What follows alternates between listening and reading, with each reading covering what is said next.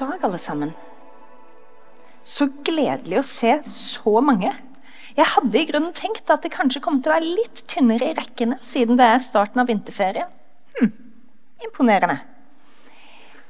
Jeg heter Karine, jobber til daglig her i Imi kirke og er en del av dette etter hvert berømte pastorteamet. Eh, det er bare noen av oss som syns det kanskje var litt mange. Jeg er siste tilskudd. Eh, jeg jobbet her i ca. ett år og er så lykkelig for det. Og I dag så skal vi inn i Lukas evangeliet igjen. Vi er i dette som vi kaller for Re-Jesus-løpet, som går over to år. Og Med jevne mellomrom så går vi gjennom kapitler i Lukas evangelium. Og I dag skal vi gå gjennom første del av kapittel fire i Lukas evangeliet. Og det begeistrer meg. Dette er et bra dette er et bra kapittel. Det, det, det er jo mye bra i Bibelen, men det, jeg vil påstå dette er et av de virkelig bra. Eh, vi befinner oss Takk for responsen, Ann Engel. Vi befinner oss i Nasaret, i Jesus' sin hjemby. Og I dag morges tror jeg sa Kapernaum, men det var jo feil. Eh, vi befinner oss altså i Nasaret, i Jesus sin hjemby. Det er sabbat, og folk er samlet i synagogen. Jødenes lokale gudshus. Ah, det er litt hår her. For å høre høytlesning fra Skriften og for å få undervisning. Eller høre en preken. Og Synagogeforstanderen han kan gi denne oppgaven til egentlig den han finner det for godt. Og I dag så er det Jesus som har fått oppgaven med å både lese og, og dele noen ord. Eh, og han får rullen fra synagogeforstanderen, og han slår opp. og Det er Jesajas-profeten han får. Og han slår opp, og så finner han det stedet eh, som han skal lese fra. Og i rommet her nå, i synagogen, så er folk spente. For eh, mange har hørt om Jesus. Han har skapt oppstyr der hvor han har vært tidligere. Det er ganske tidlig i Jesus sitt virke, men han har allerede rukket å bli en eh, liten kjendis. Eh, så folk sitter med forventning. Kanskje noen av dem har hørt at han har blitt døpt av Johannes. Men nå åpner han altså rullen, og så leser han følgende ifra Jesajas. Herrens ånd er over meg, for han har salvet meg til å forkynne et godt budskap for fattige. Han har sendt meg for å rope ut at fanger skal få frihet, og blinde få synet igjen for å sette undertrykte fri og rope ut et nådens år fra Herren. Og i eh, dette avsnittet som Jesus leser fra, så mellom disse linjene her, så fins det to andre linjer. Eh, og de er det noen håndskrifter som har med òg. Og de finner vi igjen i Isaiah, så derfor velger jeg å ta med de òg, for de er rett og slett veldig, veldig fine. Han har altså sendt meg for å forkynne et godt budskap for hjelpeløse og for å forbinde dem som har et knust hjerte. Det var også med. Så rullet han bokrullen sammen, rakte den til synagogeforstanderen, satte seg, og alle stirret spent på hva han skulle undervise. Og så begynte han å si i dag er dette skriftordet blitt oppfylt mens dere hørte på. Og så leser vi videre i vers 22. Og det har jeg ikke på skjerm, beklager. Alle roste han og undret seg over nådeordene som kom fra hans munn.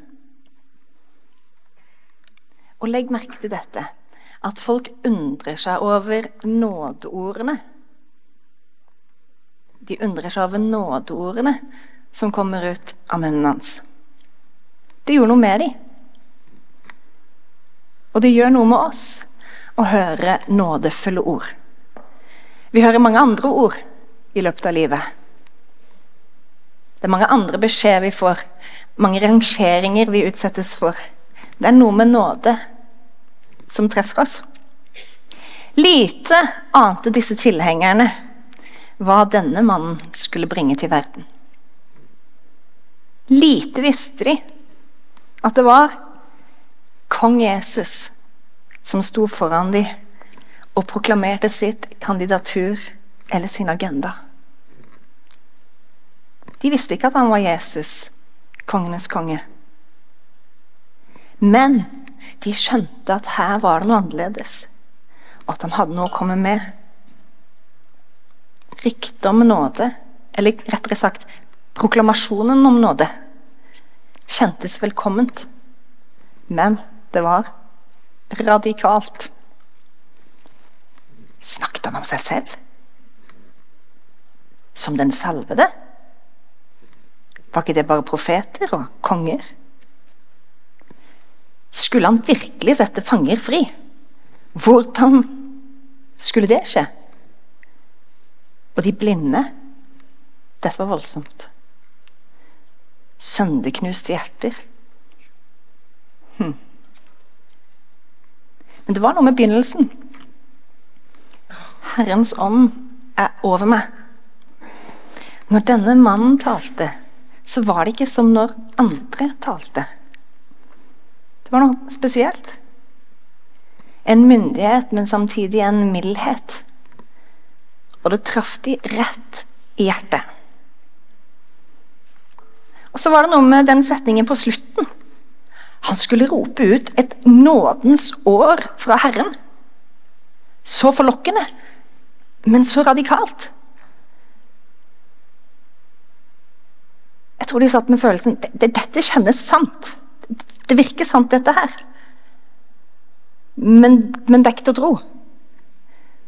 Et nådens år kunne det være. Dette uttrykket 'nådens år' henspeiler til eh, begrepet eh, jubelåret, eller frigivelsesåret veldig interessant fenomen med tanke på både samfunnsøkonomi og eh, sosial rettferdighet. For i tredje Mosebok, og dette visste de som hørte på I kapittel 25 så sier Gud kort fortalt Hør på dette. Veldig interessant fenomen. Hvert syvende år så skal dere la landet få fred. Dere skal ikke dyrke, og dere skal ikke eh, beskjære. Da skal landet hvile. Og så når det går syv sånne perioder av syv år, altså 49 år, syv ganger syv, så på slutten av det året så skal det lyde i basunen, og det skal pro proklameres det som kalles for et nådens år. Det 50. året. Og dersom du i løpet av de siste 49 årene hadde sett det nødvendig at du var påtvunget og kom til økonomisk nød, og hadde måttet selge eiendommen din til noen i løpet av de siste 49 årene, så skulle du dette året få det tilbake igjen. Og hvis du i din nød hadde eh, solgt deg selv som slave, eller endt opp med å bli leiekar hos noen, så skulle du dette året bli fri igjen. Hvert 50. år. Hva mente Jesus da han sto og sa dette? Det skulle bli et slikt år. Skulle kortene deles ut på ny? Det er noe med nåde som er så tiltrekkende på oss. Vi er alle mer sårbare enn vi liker å innrømme. Alle av oss har et snev av strev et eller annet sted. En følelse av at vi ikke alltid strekker til slik som vi ønsker. Noen av oss har gått på kjempesmeller. Har virkelig rota det til for oss, og vi vet veldig godt hva vi trenger tilgivelse fra. Mens andre, som tilsynelatende ser ut til å ha ganske god orden på livet, lever gjerne med en streng indre stemme som stadig minner oss på hva vi kunne gjort bedre, hva vi kunne gjort oftere, og hva vi kanskje kunne gjort enda mer helhjertet. Og ikke nok med at vi dømmer oss selv. Vi er gode på å dømme hverandre. Og kanskje den vondeste følelsen av alt det er hvis vi har en følelse av at Gud dømmer oss. Er det noen som har sett musikalen Le Miserable? Lest boka? Jeg har en venninne som har lest boka på fransk. Det er imponerende.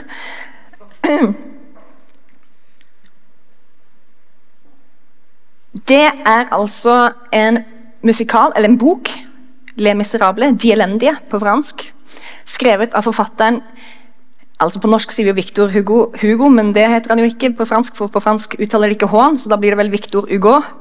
Han skrev denne boka på 1800-tallet, og det ble senere laget en musikal av historien. Og I historien så møter vi eh, eh, Jean. Han har eh, sittet lenge i fengsel. 19 år. Han fikk fem års straff fordi han stjal brød for å mette sin sultne søster. Men han har prøvd å rømme så mange ganger, og hver gang han rømmer, så får han ekstra straff. Og nå i historien så møter vi han igjen. Han har rømt. Og han eh, sover på gata. Og så eh, møter han en biskop. Og så sier biskopen du kan få komme og sove i kirka. Det er greit, det. Så legger han seg inn i kirka, men så faller han for fristelsen av å stjele sølvet i kirka. Kanskje tenker han at dette blir hans uh, mulighet til å kunne klare seg økonomisk når han skal prøve å flykte nok en gang. Så han tar med seg sølvet fra kirka, bare det at han blir tatt. Kjapt så kommer det en politimann og fakker han. Og denne politimannen følger gjennom hele historien. Han vil alltid ut etter Jean Valjean. Han skal ta han. Uansett, han skal ta han. Og eh, biskopen, nei, eh, Jean Valjean blir ført tilbake igjen til biskopen og eh, blir konfrontert med dette her. Og så sier biskopen Å, det sølvet, ja. ja. Det var en gave. Du, du glemte disse to lysestakene. Du skal få disse òg. Og så kjøper politimannen historien. Og Så ser biskopen på Jean Valjean og så sier han, bruk dette sølvet til å gjøre noe godt ut av livet ditt. Da boken ble skrevet, så var det få litterære eksperter som hadde tro på boka.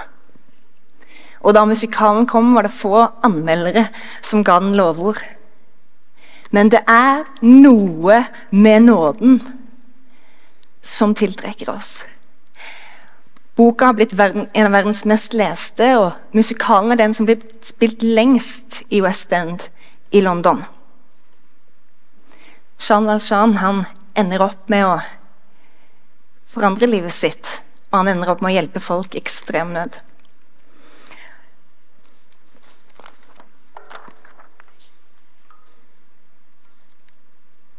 Folk var slått med undring over hvor nådefulle ordene til Jesus var.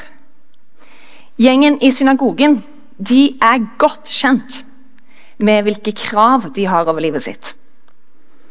De har krav hengende over livet sitt. De er jøder, og de er stolte eh, forvaltere av loven. De ti bud, alle forskriftene som Gud ga Moses da han ledet nasjonen for lenge siden. De er oppflasket på læren om hva som er rett, om hva som er galt. Lite visste de der de satt. At det var han kong Jesus som vi akkurat sang om. Han som er ett med Gud far. Han som nettopp hadde lest for dem. Lite visste de at det var han som hadde gitt dem loven for at de skulle skjønne sitt eget behov for nåde. Gud er en nådig Gud. Og Jesus, Guds sønn, er en nådig konge. Alltid trofast. Lite visste denne gjengen som satt der i synagogen, om det paradigmeskiftet som skulle komme. Nemlig den tidsalderen hvor Gud ikke tilregner synd.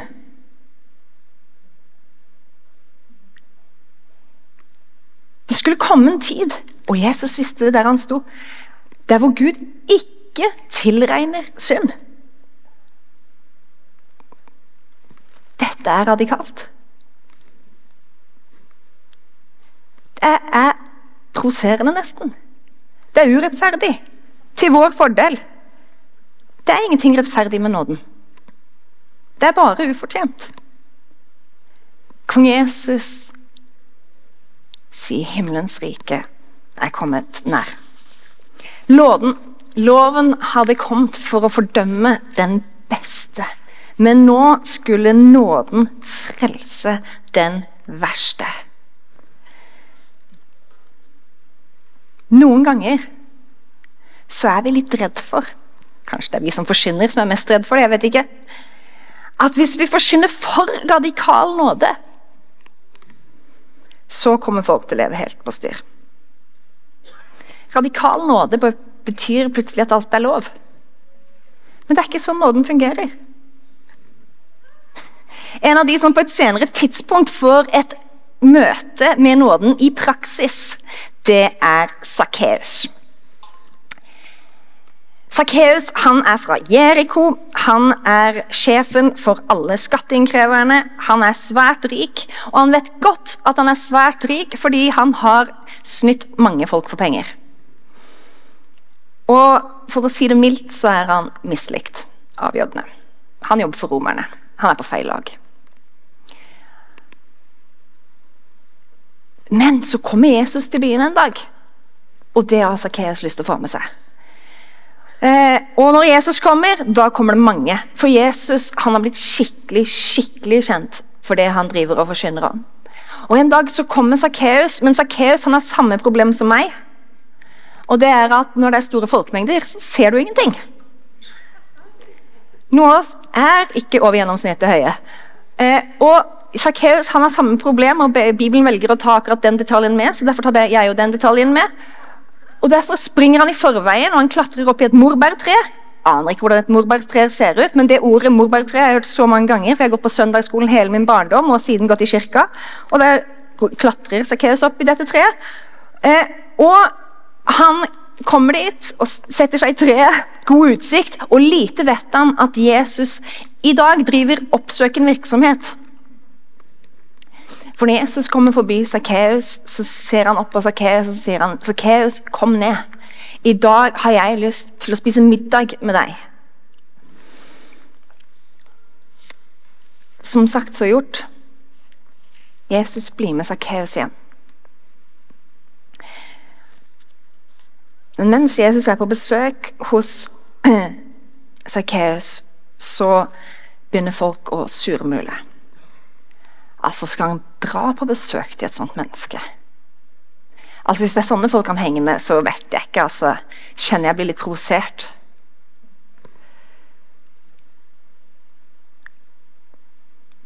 De skulle bare visst om nådens magiske kraft.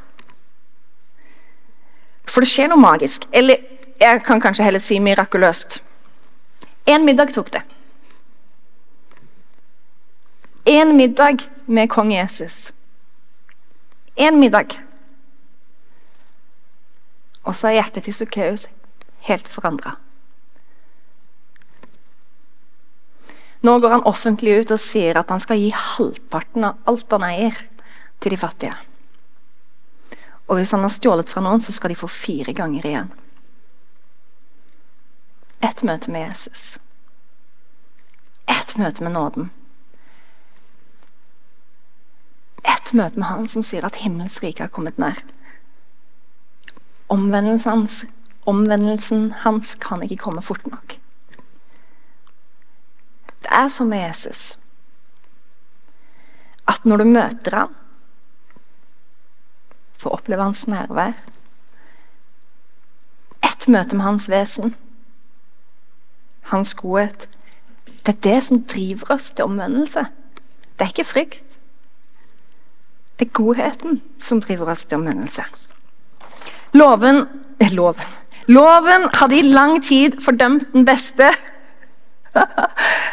Men nå kom nåden for å frelse den verste. Matteus tolleren får bli disippel. Kvinnen ved brønnen som har vært gift litt for mange ganger, får ny verdighet. Den blinde Bartilomeus får syn igjen. Kvinnen med blødninger som har brukt alt hun eier på å bli helbredet, blir helbredet av Jesus. Altså, Hun betalte ikke Jesus, men hun har betalt for mye annet. De ti spedalske som ingen ville, ha, bli, nei, ingen ville ta i, blir fine i huden og får bli en del av samfunnet igjen. Den unge gutten som er besatt av en ond ånd, får livet tilbake. Kvinnen som ble tatt på fersken i å ha sex med en hun ikke er gift med, blir reddet ut av en farlig situasjon og blir satt fri fra fordømmelse. Den prostituerte fikk vaske Jesus sine føtter, og røveren fikk bli med til paradis. Tilbake til synagogen. Jesus er ferdig med høytlesningen. Og folk er slått med undring over det han sier, og de liker det de hører. Men så er det en knall som spør. Er ikke dette Josefs sønn? Og Jeg tror han har spurt litt i den tonen der, fordi la oss høre hva Jesus svarer. Og Det står i vers 23 og utover. Da sa Jesus til dem. Dere vil sikkert minne meg om dette ordtaket. Lege, leg deg selv. Dere vil si, vi har hørt om alt som har skjedd i Kapernaum. Gjør det samme på ditt eget hjemsted. Og han la til, sannelig, jeg sier dere, ingen profet blir godt mottatt på hjemstedet sitt. Jeg sier dere som sant er, det var mange enker i Israel den gang Elia levde. Da himmelen var lukket i tre år og seks måneder, og det ble en stor hungersnød i landet. Likevel ble ikke Elia sendt til noen av dem, bare til en enke i Sarepta i Sidonlandet. Og det var mange med hudsykdom i Israel på profeten Elias, Elishas tid, men ingen av dem ble renset, bare syreren Naham. Naman. Alle i synagogen ble rasende da de hørte dette. De sprang opp og jaget ham ut av byen. De drev ham mot en skrent i åssiden der byen deres lå, og ville styrte ham utenfor. Men han gikk midt gjennom flokken og dro bort. Stemningen var jo så god! Og så tar det denne vendingen. Her pirker Jesus borti noe veldig viktig. Det var nemlig slik at uh, jødene hadde en tendens til å synes de var litt bedre enn folk flest. Det var jo de som hadde blitt gitt loven. Det var de som hadde O store Abraham til far. Guds eget folk. Og så minner Gud dem på at ved to anledninger her i disse historiene at det, det holdt ikke å være jøde. Gud valgte å hjelpe annerledes. Nåden, den er nemlig ikke verdt noe før du skjønner du trenger den.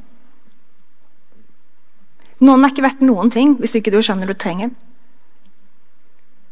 Nådefulle ord kan høres nydelig ut. Men hvis vi ikke er blant de som skjønner at vi trenger nåden, så er det ikke verdt noe. Men selv sånne som ville dytte Jesus utfor skrenten og ville bli kvitt ham. Selv sånne kom Jesus for. Jesus ønsker at alle mennesker skal bli frelst. En av Jesus sine argeste motstandere Riktignok etter han hadde dødd og stått opp igjen. En av Jesus sine argeste motstandere, Paulus, Han var ekspert på loven. Han elsket loven. Han var stolt av loven. Han var ekspert på Det gamle testamentet. Han var rasende på denne gjengen med kristne som ikke holdt loven hellig i hans øyne. Han ville bli kvitt flest mulig, fengsle flest mulig. Men Jesus Kong Jesus. Nådige Jesus, som ønsker å nå alle mennesker, som ønsker å nå inn i alle menneskers hjerter. Om vi er av den kategorien, eller om vi er av den kategorien. Han kommer til ikke Sakkeus, han kommer til Paulus i et syn og sier 'Saul, Saul, hvorfor forfølger du meg?'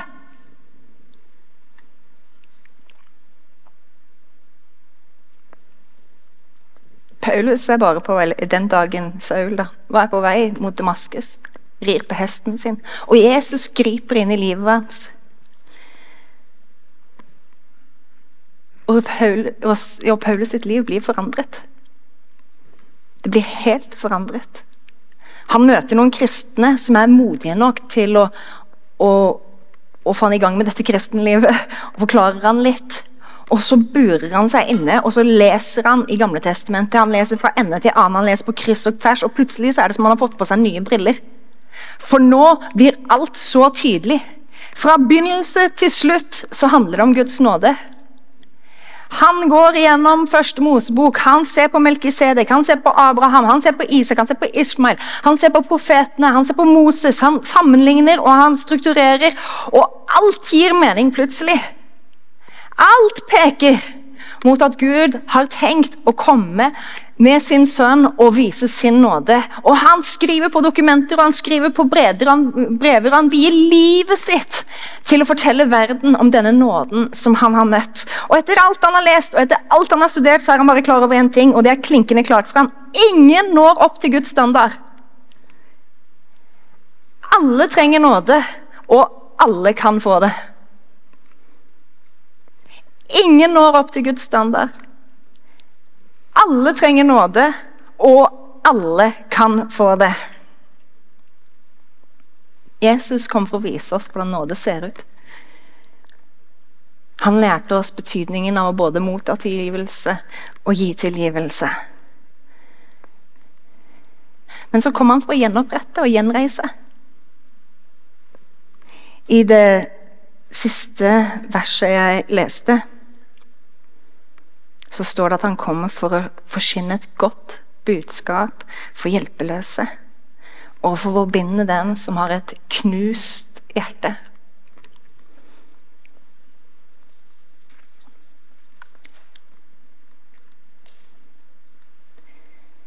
Jeg kom over dette bildet denne uken på Facebook-siden til en forfatter jeg liker godt, som heter Philip Jensi. Bildet er av en eh, skulptur som står utenfor et museum i Nevada. Og skulpturen er lagd av eh, Kanskje det er jernstenger. Og så er det fullt med steiner. Rullesteiner. Og så heter det 'Weight of grief'. Vekten av sorg.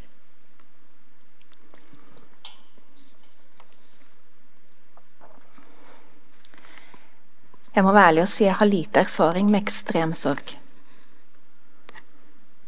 Så jeg skal være forsiktig når jeg uttaler meg. Men Jesus har erfaring med det.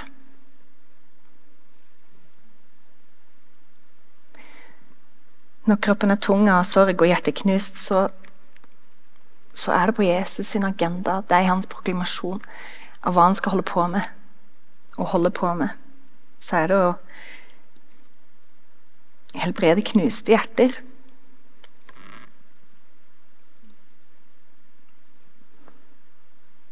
Min erfaring er at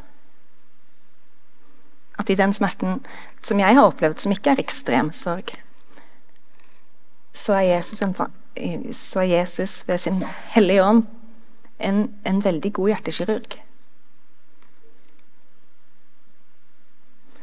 Og det jeg har opplevd av å få hjertet mitt helbredet, det har skjedd i Jesus sitt nærvær. I Guds nærvær.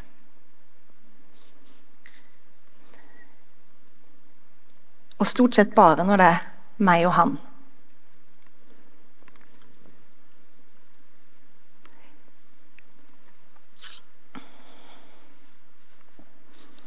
Det er noe med Jesus sine ord som så Som gjør noe med oss, for det gir oss et sånt et håp, kanskje.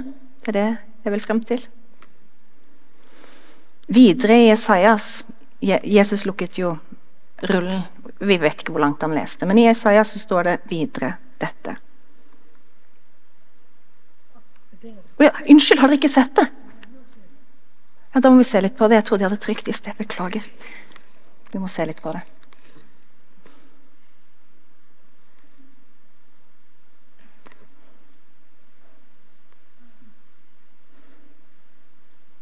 Dette bildet gjorde noe med meg.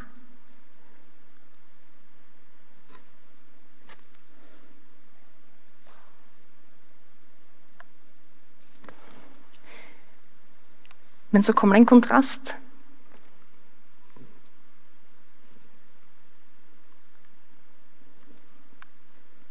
Det står her i Jesaja 61 at han skal gi de sørgende gledens olje i stedet for sorg, lovsangsdrakt istedenfor motløs ånd, og de skal kalles rettferds eiketrær, som Herren har plantet for å vise sin herlighet. Og det var noe i kontrasten mellom eiketrærne. Og dette som gjorde noe med meg. At dette kan gå til å bli eiketrær.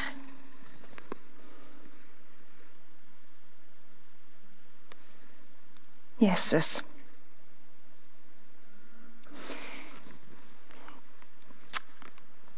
Mens vi ennå var fortapt. Vi gikk rundt her og rota rundt og skapte trøbbel for oss selv, så gikk han rundt og gjorde godt. Og når han hadde sagt det han trengte å si, og han hadde vist det han trengte å vise, så døde han på oss på korset, på korset for å ta straffen for det vi har gjort galt. Og av det så er vi ferdig straffa. Vi er ferdig straffa. Så når fordømmelsen kommer, snikende, så kan jeg si jeg er ferdig straffa.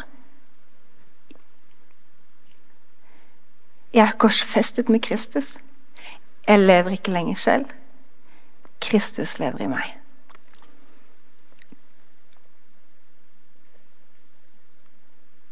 Han døde ikke bare, han sto opp igjen. Overvant døden.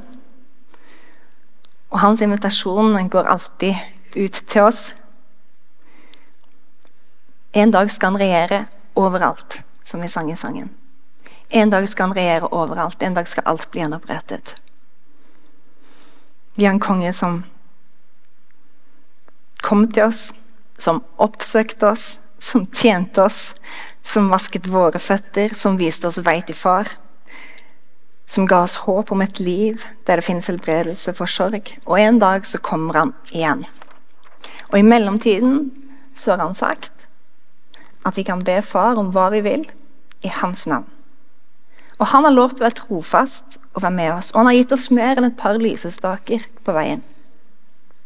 Han har gitt oss sin Hellige Ånd. Han har gitt oss sin Hellige Ånd.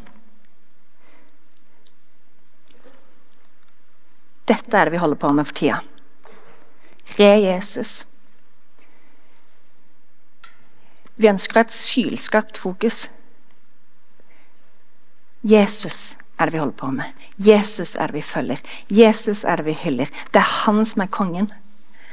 Det er han vi slenger armene våre opp i været og sier 'Jeg priser deg, Jesus'. Det er han vi bøyer kne for og sier 'Majestet, Jesus'. Ville lovsangstimen vært så greie å komme opp?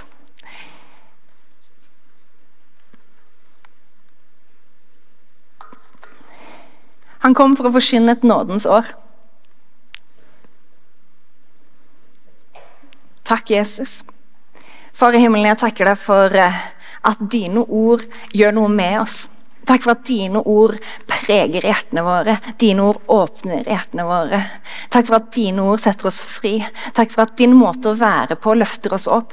Takk for at du viser oss sånn verdighet, Jesus. Vi ønsker å gi deg så mye ære. Lær oss om dette, Jesus. La livet vårt være preget av dette, Jesus.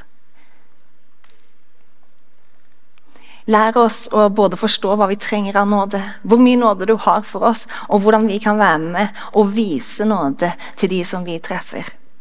Vi ønsker å lære av deg, Jesus.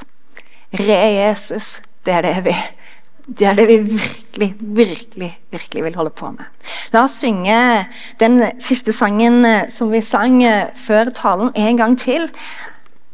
Om Jesus som konge. Så eh, lander vi der.